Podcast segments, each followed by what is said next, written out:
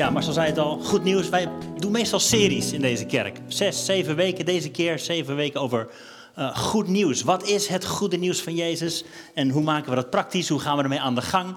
Wat betekent dat voor jou in jouw dagelijks leven? En daar zijn we mee aan de gang gegaan. We hebben heel veel verschillende invalshoeken gekozen. Wat is het goede nieuws nou eigenlijk net niet? Wat is het goede nieuws in één woord? Wat is het goede nieuws in dertig woorden? Wat Marleen al zei. Hoe train je jezelf om nou getuige te zijn van de hoop die in je leeft. Dat is onze opdracht. Dat is wat we mogen en moeten doen. Nou, super uitdagend thema. We gaan hem vandaag afsluiten met een QA. Ik doe even een korte intro en daarna gaan we lekker aan tafel zitten met deze mokken. Goed nieuws. Ja, koffie is altijd goed nieuws natuurlijk. Er staan er een paar mokken daar voor je klaar straks bij de koffie. Als je mee wilt nemen en je gooit iets in het collectezakje, dan uh, mag je hem lekker meenemen. Misschien een leuke spraken maken voor thuis. Maar ik wil iets vertellen over onze visie als kerk. Want daar hoort dit thema helemaal in. Misschien kun je die slide laten zien. De visie die we hebben als Connect Kerk, als we kijken met de ogen van God, dan zien we dit. Wij zien een groeiende kerk met gezonde discipelen. Nou, daar is genoeg over te zeggen. Wat is een gezonde discipel? Maar we zien een groeiende kerk met gezonde discipelen die een passie hebben voor God. Dat was genoemd. Waar is je passie voor God? Maar dat zien we voor ons. Dat, dat, waar mogen we naartoe groeien? We zijn betrokken op elkaar. We kennen elkaar. Niet iedereen natuurlijk, maar je hebt een groep mensen die jou kent. Connectgroepen zijn belangrijk. Een groep die elkaar kent en we hebben impact op onze omgeving. We hebben iets te vertellen. We hebben iets ontvangen wat we mogen uitdelen. We willen een impact hebben, een positieve impact, het liefst natuurlijk, op onze omgeving. Dit is wat we zien. En dat is hoe we ook in het leven willen staan. We willen zien waar God mee bezig is, namelijk bouwen aan zo'n soort kerk, dat geloven we. En we willen met Hem meebewegen. We willen wat doen, zien wat God doet en met Hem meebewegen. En dat geldt ook voor onze zondagen. Dit is natuurlijk maar een klein onderdeeltje van wie we zijn als kerk. Marleen zei het al, gisteren stonden we met, ik geloof met z'n tien of zo, stonden we op straat. Dat is ook een onderdeel van kerk zijn. Komende week komen er weer allemaal kleine groepen, connectgroepen bij elkaar. Acht tot twaalf mensen in een huiskamer. Dat is ook deel van kerk zijn. En alles wat we doen als kerk heeft hiermee te maken. Ik ga hem voorlezen. Efeze 4 staat dit. En Jezus of God heeft sommigen gegeven als apostelen, anderen als profeten, weer anderen als evangelisten en weer anderen als herders en leraars. De vijfvoudige bediening, misschien ken je die wel. Dat komt hier vandaan. Apostelen, profeten, evangelisten, herders en leraars. Om de heilige toe te rusten. Dat is waarom er leiderschap is in de kerk. Dat is waarom er structuren zijn in de kerk. Dat is waarom überhaupt de kerk bestaat. Om de heilige toe te rusten. Toe te rusten tot het werk van dienstbetoon. Tot opbouw van het lichaam van Christus. En dat is ook waarom we onze zondagen invullen zoals we het doen. Waarom we connectgroepen hebben. Waarom we kerk zijn. We willen elkaar toerusten. Opbouwen. Stimuleren. Helpen groeien. Ontwikkelen. Kom op. We willen gezonde discipelen zijn.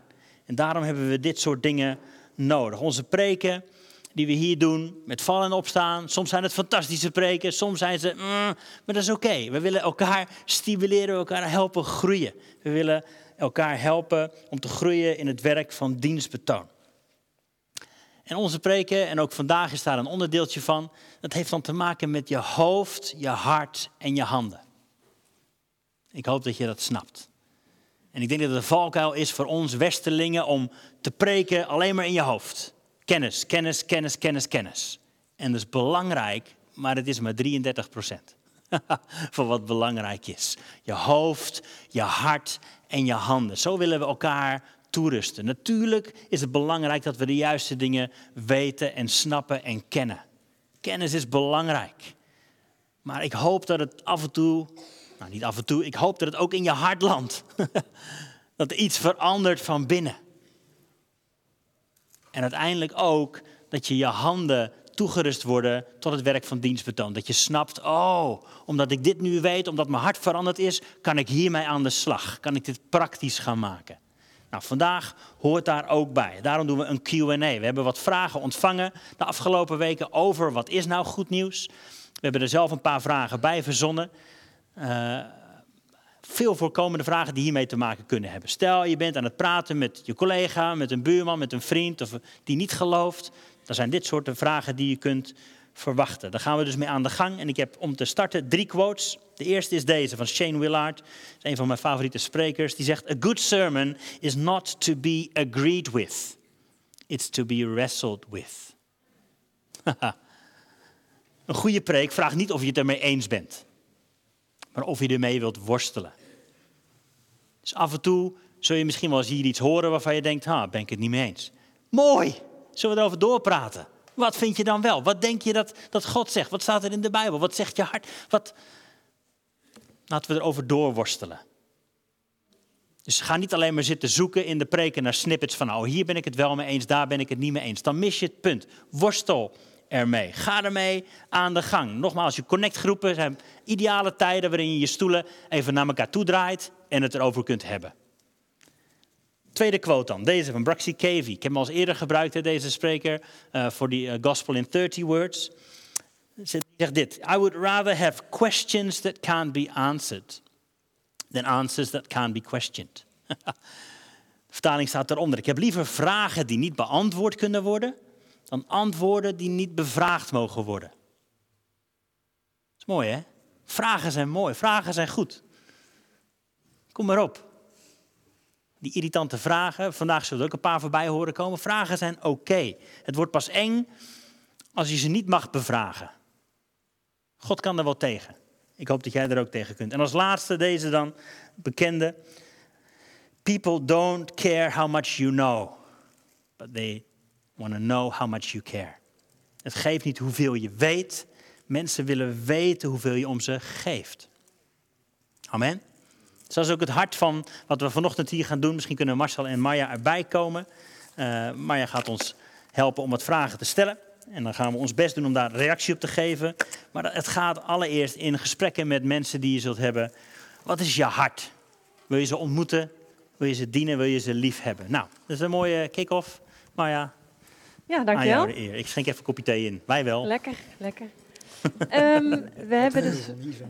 We hebben dus een paar uh, leuke vragen. En de eerste vraag, daar willen we ook gelijk jullie hulp even bij inschakelen. Tenminste, welke vraag we gaan behandelen. Dus uh, Oscar en Marcel hebben zich uh, er flink doorheen geworsteld, zeggen ze zelf. We gaan even kijken of dat ook zo is. Um, maar we hebben dus een keuzevraag voor de eerste vraag. Als je gaat staan, dan ben je, wil je de eerste vraag, wil je, blijf je zitten, dan wil je de tweede vraag, die wordt geprojecteerd. Dus dat is heel simpel. Dus um, ik vraag even aan het mediateam, ja, Vraag A is: waarom is de God van het Oude Testament zo vreed? Als je die vraag beantwoord wilt hebben, door Marcel in dit geval, dan mag je gaan staan. Als jij hem dus een beetje wilt plagen, dan mag je gaan staan. Nee hoor, als je gewoon oprecht benieuwd bent aan het antwoord. Um, als je denkt: ik wil graag meer weten over hoe kun je geloven dat de Bijbel betrouwbaar is, dan blijf je zitten. En nu is het moment. Mag ook weglopen. ja. Ga staan. nou, ik denk het. Ja, dit wordt wel spannend. Maar ik zie overwegend ook wel mensen zitten. We gaan voor, uh, we gaan voor blijven zitten. Mensen gaan alweer zitten. Helaas, helaas. Ja, ja, Dit wordt gelijk weer. Uh, nee. uh, dus ja, vraag B is dat. Hè? Hoe kun je nou geloven dat de Bijbel betrouwbaar is, Marcel? Ja, goede vraag. beide is natuurlijk altijd lastig. Beide vragen is natuurlijk lastig om te beantwoorden. Ik ben ook blij met de introductie van, van Oscar. Uh, dat scheelt weer uh, in, uh, in de beantwoording. Ja, maar hoe kun je nou eigenlijk weten dat de Bijbel betrouwbaar is? Hoe weten dat die, wat geschreven is waar is? Er zijn twee dingen waar we naar kunnen kijken. We kunnen vanuit ehm, de geschiedenis, vanuit geschiedschrijvers, vanuit het ontstaan van dezelfde periodes van de Bijbel, kunnen we bepaalde evenementen die plaatsgevonden hebben in de Bijbel, kunnen, die zijn ook beschreven in andere boeken. Dus niet alleen in de Bijbel.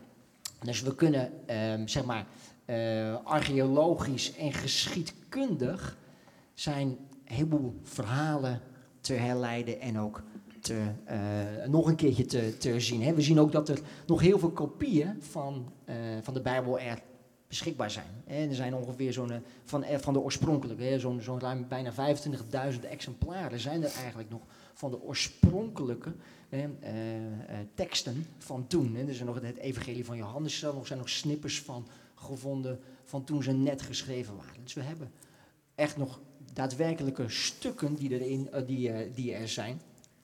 En wat we ook vaak kunnen zien, weet je, wij zijn, zijn de schrijvers zijn die betrouwbaar geweest. Hè? Zijn ooggetuigen zijn die eh, zijn die ehm, te vertrouwen. En ehm, wat, we, wat we natuurlijk weten, en wat bijvoorbeeld één ding wat, ik, eh, heel, wat we heel erg in de Bijbel kunnen zien als we het lezen, is dat het niet een mooi, alleen maar een mooi verhaal is. Maar er zijn gewoon echt, weet je, er staan eerlijke verhalen in. Weet je, over het falen van mensen, het falen van discipelen. Nou, als je een, als je een, weet je, een mooi boek zou schrijven, of wie alleen maar, dan, dan ga je natuurlijk voornamelijk de succesverhalen schrijven. En ga je dat, niet dat soort hmm. dingen schrijven. En een van de uh, dingen die, die ook wel super mooi zijn, zijn de. Uh, er wordt natuurlijk heel veel geschreven in de Bijbel over vrouwen. Nou, als iets niet past in de cultuur van, van de, de oorspronkelijke mensen die leefden, was het schrijven over of iets zeggen wat vrouwen deden. En zeker dan niet wat was goed was, omdat ze geen, echt geen rol hadden in, in die tijd. Gelukkig nu wel. Hè. Maar het feit dat het in de Bijbel staat, geeft eigenlijk ook alweer van ja, hè, we pakken niet alleen maar de mooie dingen of die wat cultuurrelevant is, maar wat ook zelfs niet cultuurrelevant is op dat moment. Dus de, hmm. eh, dat zijn mooie uh, signalen dat we mogen weten wat in de Bijbel staat. Dat is gebaseerd op betrouwbaarheid. Dat is geschreven uh, vanuit ooggetuigen die, ehm, nou ja, die betrouwbaar zijn. En voor mezelf, wat ik altijd mooi vind, als we nadenken over is de, de Bijbel betrouwbaar, is, zijn de principes die erin zitten toepasbaar. Als, je een, uh, als je een bestseller wil kopen van een, uh, van een goede, goede management guru, weet je, die worden, dat wordt een bestseller omdat de dingen die erin staan daadwerkelijk ook kloppen. En het, het werkt ook inderdaad. Nou, als we kijken naar de principes in de Bijbel, als we het hebben over dat God een goede God is, dat God geeft, dat gebed mensen vrijzet, dat uh, we mogen weten als we bidden voor genezing, dat er een heleboel situaties ook genezing daadwerkelijk plaatsvindt. Dat de principes die beschreven staan ook toepasbaar zijn in ons eigen leven en ook hmm. daadwerkelijk uitkomen. En dat vind ik ook wel met de worsteling met hè, wat staat dan in de Bijbel, klopt het wel, klopt het niet. Ja, dat baseert ook wel voor mezelf in hmm. mijn dagelijks leven. Ja, het klopt ook echt wat erin staat, want het werkt ook echt. Mooi, mooi. Korte aanvulling? Ja. Uh, voor mij twee dingen die, die, waar ik nog aan moest denken, behalve wat jij zei. Erg mooi. Um, het eerste is, door de eeuwen heen, miljoenen mensen lang, leven zijn veranderd door de Bijbel. Dat is al een soort van bewijs op zich. En als laatste, denk ik, en die is voor mij het meest krachtig, is uiteindelijk bouwen we ons leven op Jezus. En als, als Jezus uh, de schriften betrouwbaar vindt, vind ik het ook. Eigenlijk is dat een heel simpel argument. Maar als Jezus, en daar zijn alle historische bronnen uh, beschikbaar voor, uh, als die gelooft in de Bijbel, kan ik ook geloven in de Bijbel. En dat is wel een soort van switch. Want vaak zeggen we, ik geloof in Jezus omdat ik de Bijbel vertrouw. Ik zou hem eigenlijk liever omdraaien. Zeggen, ik vertrouw op de Bijbel omdat Jezus daarin vertrouwt. Ja, dat is een andere insteek. Dus als ik hem dan samenvat, eh, eh, nou ja, je, je, erkent de waarde omdat de schrijver zegt, of nou ja, de, de auteur erachter, de nou, mind Ja, dat is een mooie. Ja. Dat dan vindt. Maar ondertussen hebben we gelukkig ook wel echt feiten die dat bevestigen dan. Ja. De volgende vraag, die is uh, voor jou, Oscar. In een van je preken sprak je over dat God een hele boze God is. Toch een beetje de vraag van net, uh, misschien dat die terugkomt. Mm. Um, en dat, uh, dat hij Jezus moest kruisigen, zodat wij dan vergeven kunnen worden. Um, maar ja, wat, wat dat ik dat juist niet zei, hè, zeg maar. Toch? Oh, sorry. Ja, dat je dat. nou ja, dat God dus Jezus uh, moest kruisigen. Mm. En dat hij daar eigenlijk heel erg boze gevoelens bij had. En, maar ja, jij zegt inderdaad, dat gebeurde niet. Dus wat is dan, wat gebeurde er ja, wel? Mooie ja, vraag, dankjewel. Ik ben benieuwd. ik ook. Ja, um, dat is, volgens mij denk ik dat in die eerste over wat is het evangelie nou eigenlijk niet. Hè? Dat we daar een soort van distortion van hebben gemaakt. Dat het eigenlijk lijkt op een soort van afgod uit de, uit de oudheid. Die, eh, die boos is en er moet bloed vloeien voordat hij kan vergeven. Een mooie vraag die daar eigenlijk op aansluit is: waar was God op Goede Vrijdag? Uh, dat vind ik wel een hele mooie breinkraker. We doen soms net alsof God hoog in de hemel was en die keek naar beneden. maar volgens mij kunnen we ook zeggen, God was daar aan het kruis. God zelf leed. God zelf gaf zichzelf. En uh, een paar mooie teksten die wij daarbij helpen. Gelaten 2 zegt dit, ik leef door het geloof in de Zoon van God die mij lief had en die zichzelf heeft gegeven. Andere bekende, Johannes 3, vers 16, God heeft zijn zoon gegeven. Het kruis heeft te maken met God die zichzelf geeft. En als we het dan hebben over eh, straffen en bloed en veroordeling, dan is dit een hele mooie Romeinen 8, waar dit staat. God heeft de zonde veroordeeld in het vlees.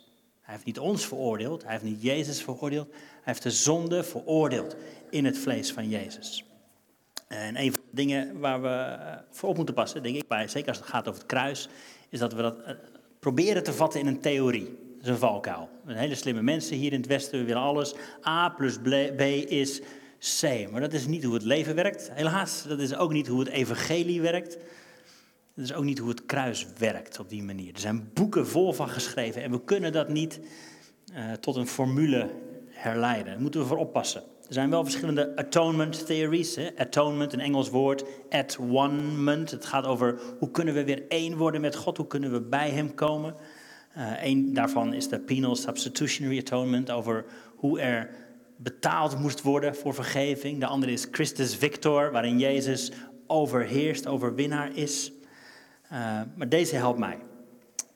Colossense 1. Want dit heeft de Vader behaagd dat in hem heel de volheid wonen zou, hè, in Jezus. En dat hij door hem alle dingen met zichzelf verzoenen zou. Dus God had het niet nodig dat hij zichzelf zou verzoenen, maar wij moesten onszelf verzoenen met hem. En dat is wat er denk ik gebeurt door het kruis. We zien de goedheid van God en daardoor kunnen we hem vertrouwen. En uh, dat is uiteindelijk wat ons tot, tot bekering leidt, als we de goedheid van God zien. Dus God die zichzelf geeft aan het kruis. Ja, korte samenvatting. Heb je er nog ideeën bij? Nou, het is ook wel, eh, wat er natuurlijk plaats ook vindt aan het kruis, is daarna, weet je, de, de, hoe we God kunnen benaderen daarna. Mm. Weet je, het is vanuit God naar ons toe, maar daar de ruimte ook door ontstaan is om God weer te benaderen en te naderen, om dichter mm. bij Hem te komen. Het mooie voorbeeld van het gordijn in de tempel wordt scheuren, ja. het heilige, het heilige der heiligen in mogen komen, om bij Hem te zijn, om één te zijn met, met Hem. Ja. Maar dit is typisch waar je denk ik op je connectgroep een avond over door kan kletsen. En dan de avond daarna weer. En wat gebeurt er nou eigenlijk precies? Nou. Ja, ik krijg ook wel een beetje de vraag bij van wat is dan het eerste wat je tegen iemand zegt uh, als hij zegt, ja, maar God is echt, uh, ja. hoezo, dat kan je toch niet doen? Maar, nou ja, je hebt, geeft er al een mooie reactie op eigenlijk, mm. om uh, misschien Colossense nog eens na te lezen. Ja, schitterend. Ja. Dat is mooi, mooi om mee te nemen. De volgende vraag is weer voor jou, Marcel. Ja? Hij is er weer klaar voor. Uh, dit heeft ook in relatie tot het, het kruis, gelukkig. Hoe kun je nou geloven dat Jezus echt is opgestaan uit de dood? Hmm. Maar ja, je, en je zei net al iets over wetenschap, of nou ja, dat we alles willen bewijzen. Hoe zie jij dat? Ja, dat is natuurlijk lastig met, met wetenschap. Wetenschap is natuurlijk hè, iets, iets hè, wat je ziet, kunnen, kunnen, kunnen gaan meten of kunnen gaan onderzoeken. Hè. Iets, een, natuurlijk verschijnsel is natuurlijk al met wetenschap. En een opstanding is natuurlijk een bovennatuurlijk verschijnsel. Dus dat is nou ja, voor de wetenschap al super lastig om, om überhaupt te kunnen, eh, te kunnen bewijzen. Dus eh, het wetenschappelijk bewijs, eh, ja, lastig. Het, het archeologisch en het, uh, de verschijningen, weet je, dat is ook wel weer. We, we, weten dat ondertussen waar de plek van het graf geweest kan zijn. Dus dat, dat de, het verhaal dat dat klopt. Maar niet zozeer de opstanding van Jezus, want dat hebben we niet een, een direct plaatje van of een, of een, selfie van of zoiets. Eh, dat maakt het gewoon super, super lastig. Wat we, de, we, kijk, ik vind het verhaal van de discipelen daarin vind ik wel super mooi. Dat, weet je, het waren simpele mannen. Eh, je, vissers, tollenaren, eh, ehm, allerlei verschillende beroepen.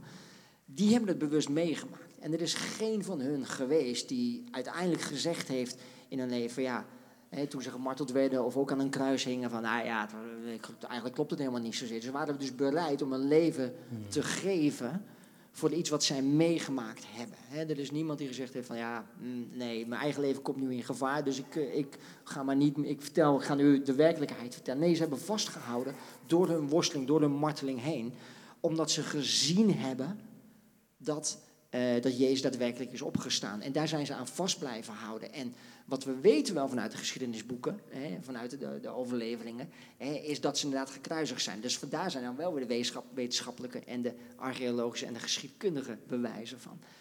In hun daden hebben we kunnen zien hè, dat, wat, dat wat zij meegemaakt hebben waar is. Dat we mogen weten dat Jezus daadwerkelijk is opgestaan. En weet je, dat is ehm, wat we zien in het leven van discipelen, dat, dat Jezus dood en opstanding heeft betekenis gegeven aan hun leven. Eh, het heeft angst verminderd, zelfs met de dood voor ogen. Maar heeft juist ook meer Het heeft de hoop vergroot en de angst verkleind. Hmm. En dat is voor mij altijd een bevestiging. Ik kijk naar de, naar, wat, naar de discipelen, helpt mij dat om te zien dat de opstanding daadwerkelijk heeft plaatsgevonden. Want wij waren, zij waren bereid om hun leven ook daarvoor te geven. Hmm. Mooi, mooi. Ja. Ik, eh, in de 18e eeuw was er een atheïst die zei: Ik ben zagrijnig over wat de kerk allemaal vertelt en de invloed die ze hebben en over Jezus. Die ging een boek schrijven om te bewijzen dat Jezus niet is opgestaan uit de dood. Uiteindelijk heeft die kerel een, een boek andersom geschreven. Hij kwam tot geloof in dat proces. Observations on the history and evidence of the resurrection of Jesus. Gilbert West. 19e eeuw, soortgelijk verhaal. Man die zaggerijnig was op al die gelovigen, alle kerken. Jezus, moeilijk. We gaan het bewijzen dat het nooit is gebeurd. Die heeft uiteindelijk Ben Hur geschreven. A Tale of the Christ. In de 20e eeuw, soortgelijk verhaal. Een journalist, advocaat, atheïst. Zaggerijnig over de kerk, zaggerijnig over Jezus. Heeft een boek geschreven. Who Moved the Stone? Halverwege dat proces kwam hij tot geloof. En zag hij, er is overweldigend bewijs dat Jezus is opgestaan uit de dood. Dus als je iemand in je kennissenkring hebt die wil bewijzen dat Jezus niet is opgestaan, nou, fantastisch, want dan komen ze binnenkort tot geloof. Financier ze dus, hè? Ja, ja, ja, moedig ze aan. Ja, ja, mooi. Ja, en je hebt elkaar dus echt nodig eh, om steeds weer dat verhaal te horen. Dat blijkt weer, Ja. eeuwenlang. Want anders dan ga je het niet meer geloven en eh, denk je van nou... Maar ja, het heeft gelukkig mooie effecten. Ja, ja vragen stellen Ja. is dus ook goed. Prima, kom maar op. Ja. Ik zit even te kijken. Mm, ik ben eigenlijk wel benieuwd naar, eh, naar jou, Marcel, nog weer. ehm, over dat sommige christenen het beeld hebben eh, dat ze na de dood naar de hemel gaan. Eh, nou ja, sommigen noemen dat een beetje zo'n ticket of zo. Nou ja, dat laten we maar even wat het is. Hmm. Oscar die vertelde ook in een van zijn preken dat het christen zijn veel meer betekent dan dat je denkt, oh, ik kan naar de hemel gaan. Maar hoe zit het eigenlijk met het leven na de dood? Hel en hemel. Wil je dat even precies uitleggen? Nou, ehm, in de begin... Ja, weet je, nee. ja, inderdaad. Weet je, dat zijn wel die lastige vragen. Hè, van, hè, hoe, eh, wie komt er in de hemel? Wie, komt er, eh, wie gaat er naar de hel? Is er überhaupt een hel? Eh, hoe, is dat, eh, hoe zit dat in elkaar? En, en eh, de Bijbel is er over sommige dingen duidelijk en over sommige minder is, dit, is het eh, niet Hmm. volledig helder. Wat we weten, hè, Matthäus 25 eh, staat heel duidelijk dat Satan en de demonen gaan naar de hel. Out of discussion. Daar, Hmm. dat staat er, staat er heel duidelijk. Maar wat we zien in, in verschillende Bijbelteksten, Romeinen 10, eh, wie met de mond beleidt dat Jezus Heer is, Eh, eh, eh, heeft eeuwig leven. In, in Titus 3 staat op grond van rechtvaardigheid. En op, in, in openbaringen wordt ges- geschreven dat, je, dat er geoordeeld wordt naar werken. Dus er is ook niet een, een eenduidig van oké, als je alleen maar dit doet, dan zul je eeuwig leven hebben. Nee, er zijn, in de Bijbel zijn dus verschillende mogelijkheden of waarin aangegeven wordt, dan zul je eeuwig leven hebben. En dat is natuurlijk is dat, eh, eh, is dat best lastig, want hè, weet je, wie heeft niet vrienden, familieleden die, eh, die niet gelovig zijn? Hè, die niet daadwerkelijk met hun mond beleden hebben, Jezus is mijn Heer, Hij is voor mijn zonde aan het kruis gestorven. Nee? Ehm, eh, zelfs Jezus zegt erover ehm, in, eh, in, in de Bijbel, alleen mijn Vader weet Hmm. wie er eeuwig leven hebben, die, eh, die, ehm, eh, die eeuwig bij hem mogen zijn. Mogen zijn. Jezus zegt zelf, zelfs ik oordeel daar niet over. Dus gelukkig helpt ons dat ook om te zeggen van ja, geen idee. We weten dat er verschillende mogelijkheden zijn. We weten voor Satan en zijn demonen, ja, check. Voor onszelf, mond-mond beleiden, Hmm. goede daden, dat dat mogelijkheden zijn om het eeuwig leven te hebben, om bij, eeuwig bij God te zijn. En Jezus zegt, ik ga naar de hemel toe om een huis voor te bereiden, om een, om een ruimte voor te bereiden, je kamer voor te bereiden. En dat geeft wat meer, geeft, geeft een, is een beeld van hoop en het is een beeld van genegenheid, daar we onszelf op mogen focussen. Hmm. Nou, het moeten we ons focussen op, ja, gaan we naar de he- hel of gaan we naar de hemel? Nee, we mogen ons focussen op, hij heeft een plek voor ons aan het bereiden die goed is. Dus een aanmoediging in die zin. Ja, Ja. mooi. Ja, moeilijk onderwerp. Zeker als je praat met mensen die eh, iemand zijn verloren die misschien niet gelooft. Ja, hoe ga je daarmee om? Ja, wij hebben natuurlijk zelf onlangs ook in zo'n situatie gezeten. Hè, of, hè, dat, dat hè, iemand overleed van ja, waar we niet van wisten. Weet, eh, gaan we die terugzien? Hmm. Dat is een lastige discussie, ook, ook met ons gezin thuis. Gaan we hem terugzien als we in de hemel zijn? Ja, laten we het hopen. Hè? Hmm. Eh, en daar gaan we voor. Laten we dan daarmee bezig zijn. Hè? Dat is, maar dat zijn super intense, lastige en pijnlijke gesprekken. Maar bid sowieso voor die mensen die in die fase nog Hmm. zitten. Weet je, dat is ook de oproep wel. Ja. Ja. Ja, ik zou, ik zou die twee dingen even uit elkaar halen. Wat gebeurt er als je, meteen als je sterft? en wat gebeurt er aan het einde? Hemel, hel en hoe je het ook wilt noemen. Eh, die, meteen als we sterven is de Bijbel eigenlijk een beetje eh, onduidelijk over. Eh, sommigen zeggen dat we slapen. Hè. In heel veel, op heel veel grafstenen zie je natuurlijk rust in vrede. En dat is ook een geloof. En dat halen we ook uit de Bijbel, dat we kunnen vertrouwen. Oké, die mensen komen tot rust. Ze slapen tot aan de laatste dag. Eh, andere mensen eh, zeggen, Paulus zegt, eh, het is beter dat ik bij Christus ben. Bij de Messias zijn, bij Jezus zijn. Als je gestorven bent, ben je bij Christus. Dus eigenlijk niemand gebruikt daar, als ik nu sterf, ga ik nu naar de hemel. Dat is niet wat de Bijbel ons leert. We rusten, we wachten totdat de laatste dag er zal zijn. Dat is een dag van oordeel. Daar is de Bijbel duidelijk over. En dat zien we ook in de apostolische geloofsbelijdenissen al. Er staat niks over hemel of hel in de vroegste geschriften over wat apostelen geloofden over het de laatste oordeel. Het laatste wat ze zeggen is, hij komt opnieuw om te oordelen de levenden en de doden. Dus er zal een oordeel zijn en daarna, en dat lezen we in de Bijbel, er komt een nieuwe hemel en een nieuwe aarde. De, God komt bij mensen wonen op de aarde. Dus in die zin is de hemel een soort van verzamelnaam voor de nieuwe hemel en de nieuwe aarde. Ehm, ik, ben, ik ben altijd wel, eh, ook voor hè, wat je net beschrijft, mensen die niet geloven en sterven, hebben we het ook over gehad, durf je hem toe te vertrouwen aan Jezus? Denk je dat Jezus goed voor hem zal zorgen? en dat is denk ik een hele mooie, troostvolle, in plaats van, eh, heeft hij het wel goed genoeg gedaan op aarde? Heeft hij de juiste dingen geloofd? Eh, ik denk dat ook mensen die van alles hebben meegemaakt uit naam van het geloof, ja, die hebben nooit Jezus leren kennen op een echte, eerlijke manier. Hebben misschien nooit hier die keus gehad. Eh, wat gaan ze zeggen als ze hem oog in oog zien? En eh, in die zin ben ik heel eh, hoopvol. Maar is er altijd een keus en heeft dat gevolgen? En daar zijn verschillende theorieën over. Mensen houden op te bestaan, dat is een hele bekende. Eh, of uiteindelijk wordt iedereen gered, want liefde overwint. Dat is zo'n universa- universalisme, zeg maar.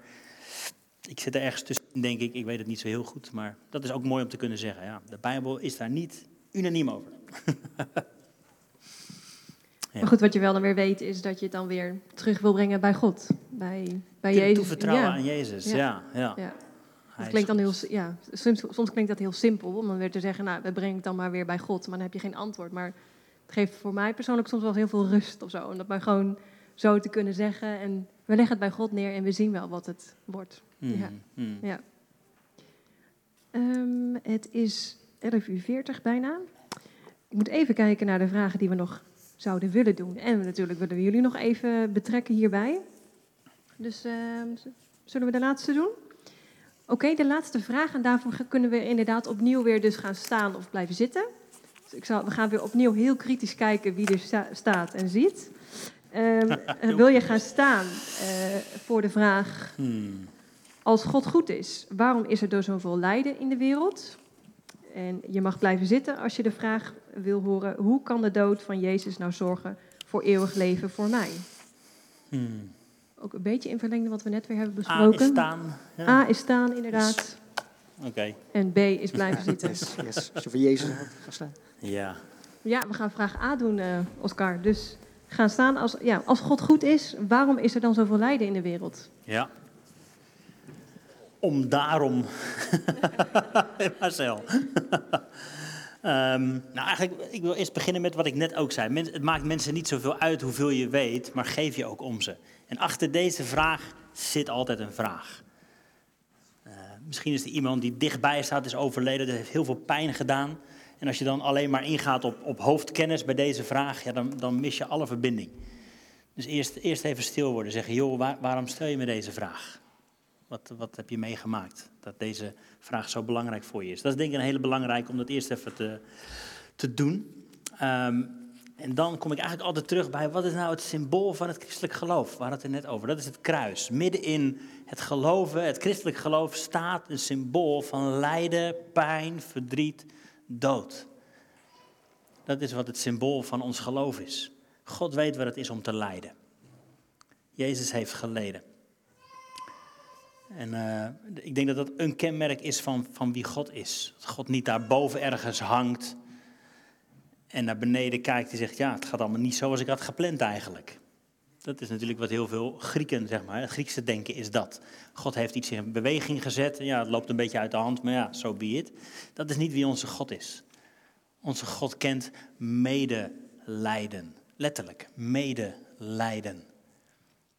En dat is ook waar we God zien. God is bij de gebrokenen van hart. Midden in je lijden, midden in je verdriet en pijn. En ik denk dat wij in het Westen dat veel minder weten dan onze broeders in het Oosten of in Afrika of noem maar op. Die weten dat, die snappen dat. Die zijn bekend met pijn, lijden, dood, sterven. Dat hoort daarbij en ze weten dat God daarin is en ze niet alleen laat. Alleen wij hebben hier een beetje de illusie van uh, controle, denk ik. We moeten alles kunnen controleren. Zie je natuurlijk nu ook hè, een beetje met het hele corona gebeuren. We proberen alles te controleren. Niemand mag pijn, niemand mag verdriet. Dat is niet de realiteit. Maar midden daarin is Jezus. Dat is misschien makkelijker gezegd, maar als je pijn kent en je kent God, dan weet je dat Hij dichtbij is, de gebrokene van hart. Uh, in Romeinen 8 staat het zo mooi, de schepping zucht, is in barensnood. Nou, ik heb er vier keer naast gestaan, naast barensnood. ja, er komen wat kreungeluiden voorbij, af en toe natuurlijk. Kinderen zijn echt hartstikke leuk. Maar uh, voordat die er zijn, is er barensnood. Dat is wat de schepping nu is, waar de aarde doorheen gaat, waar jij en ik, waar onze vrienden, broers, familie doorheen gaan. Er is barensnood. Er is een zuchten. Maar dit dan, de geest zelf pleit ook voor ons met onuitsprekelijke verzuchtingen. Dat is ook vanuit het binnenste van God kreunt hij met ons mee. Is hij daar midden in het lijden. Dat is hoe ik hem zou uh, beantwoorden, denk ik. Ja. En een andere, mijn andere insteek is dat een atheïst zegt tegen ons het probleem van het goede. Waarom bestaat het, waarom, of sorry, het probleem van het kwaad. Waarom bestaat er kwaad als God goed is? Maar eigenlijk hebben atheïsten het omgekeerde probleem. Als God niet zou bestaan, waarom is er dan überhaupt iets goeds op deze aarde? Het zou niet kunnen als er geen goede God zou zijn. Maar dat is een andere insteek, ja. Heb jij nog iets aan te vullen? Nou ja, Is dit hem? Weet je, je kunt ook, als je naar je eigen leven kijkt, weet je, kun je ook door, door moeilijke fases heen gaan. En de, de vraag die ik voor mezelf altijd dan stel, van, hé, waar bent u in die situatie? Hè, en wilt u mij laten zien waar u naast mij loopt? Of, of in het, misschien vanuit het verleden dingen van, hé, waar was u in die situatie? En het is Gods hart om te laten zien dat hij altijd aanwezig is. Ook al gaan we door lastige fases heen, dan, dan zien we de pijn in de wereld, de moeilijkheid in je eigen leven of in je eigen omstandigheid. Je mag de vraag gewoon stellen aan God. Waar bent u in die situatie? Ja. En dan zal God gaan laten zien waar hij was. En dan zal hij misschien zichzelf openbaren en, en denken van... hé, hey, oh, was u daar aanwezig? Oh, wauw, wat mooi dat u daar aanwezig was. Hmm. En aanwezig bent en aanwezig zult blijven. Door alle nood en ellende heen. Ja. Mooi. Ja, we gaan hem afsluiten, denk ik. Hè? Tof, jullie staan al klaar. Wil je zo'n mooi geestelijk muziekje neerleggen is voor ons? Ja? Kijk eens, dankjewel. Dan weet je dat je moet afronden als de band gaat Tof. staan. Mooi. Hey, ehm, ik zou je inderdaad willen gaan vragen om te gaan staan.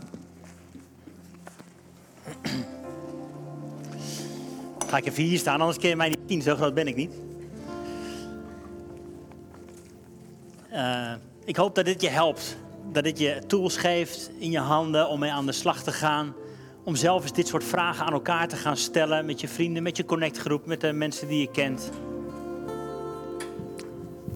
Dat we elkaar bevragen en niet, niet zomaar genoegen nemen met van die makkelijke dooddoener. Maar zoeken naar antwoorden. Als God de God van waarheid is, is hij niet zo onder de indruk van moeilijke vragen. Als laatste dan. Kijk, afgelopen week keken wij thuis naar eh, Jochem Meijer in een luchtballon. Heb je dat ook gezien? Absolute aanrader. En hij heeft het over de, natuur. Hij is echt helemaal freak van, van de natuur. Jochem Meijer is een eh, comedian. Maar passie voor natuur. En als je naar hem kijkt, dan hoor je dat hij verliefd is op de natuur.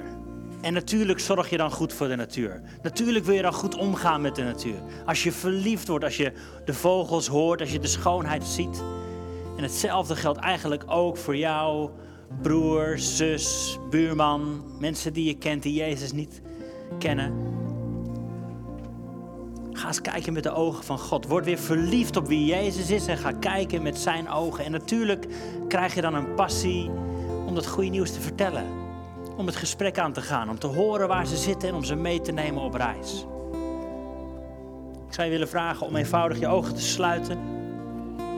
Dan wil ik met je bidden. Gaan zo dit lied nog een keer zingen. I surrender. Ik geef me over. Ik geef alles wie ik ben, wat ik heb, wat ik zeg, wil ik aan u teruggeven.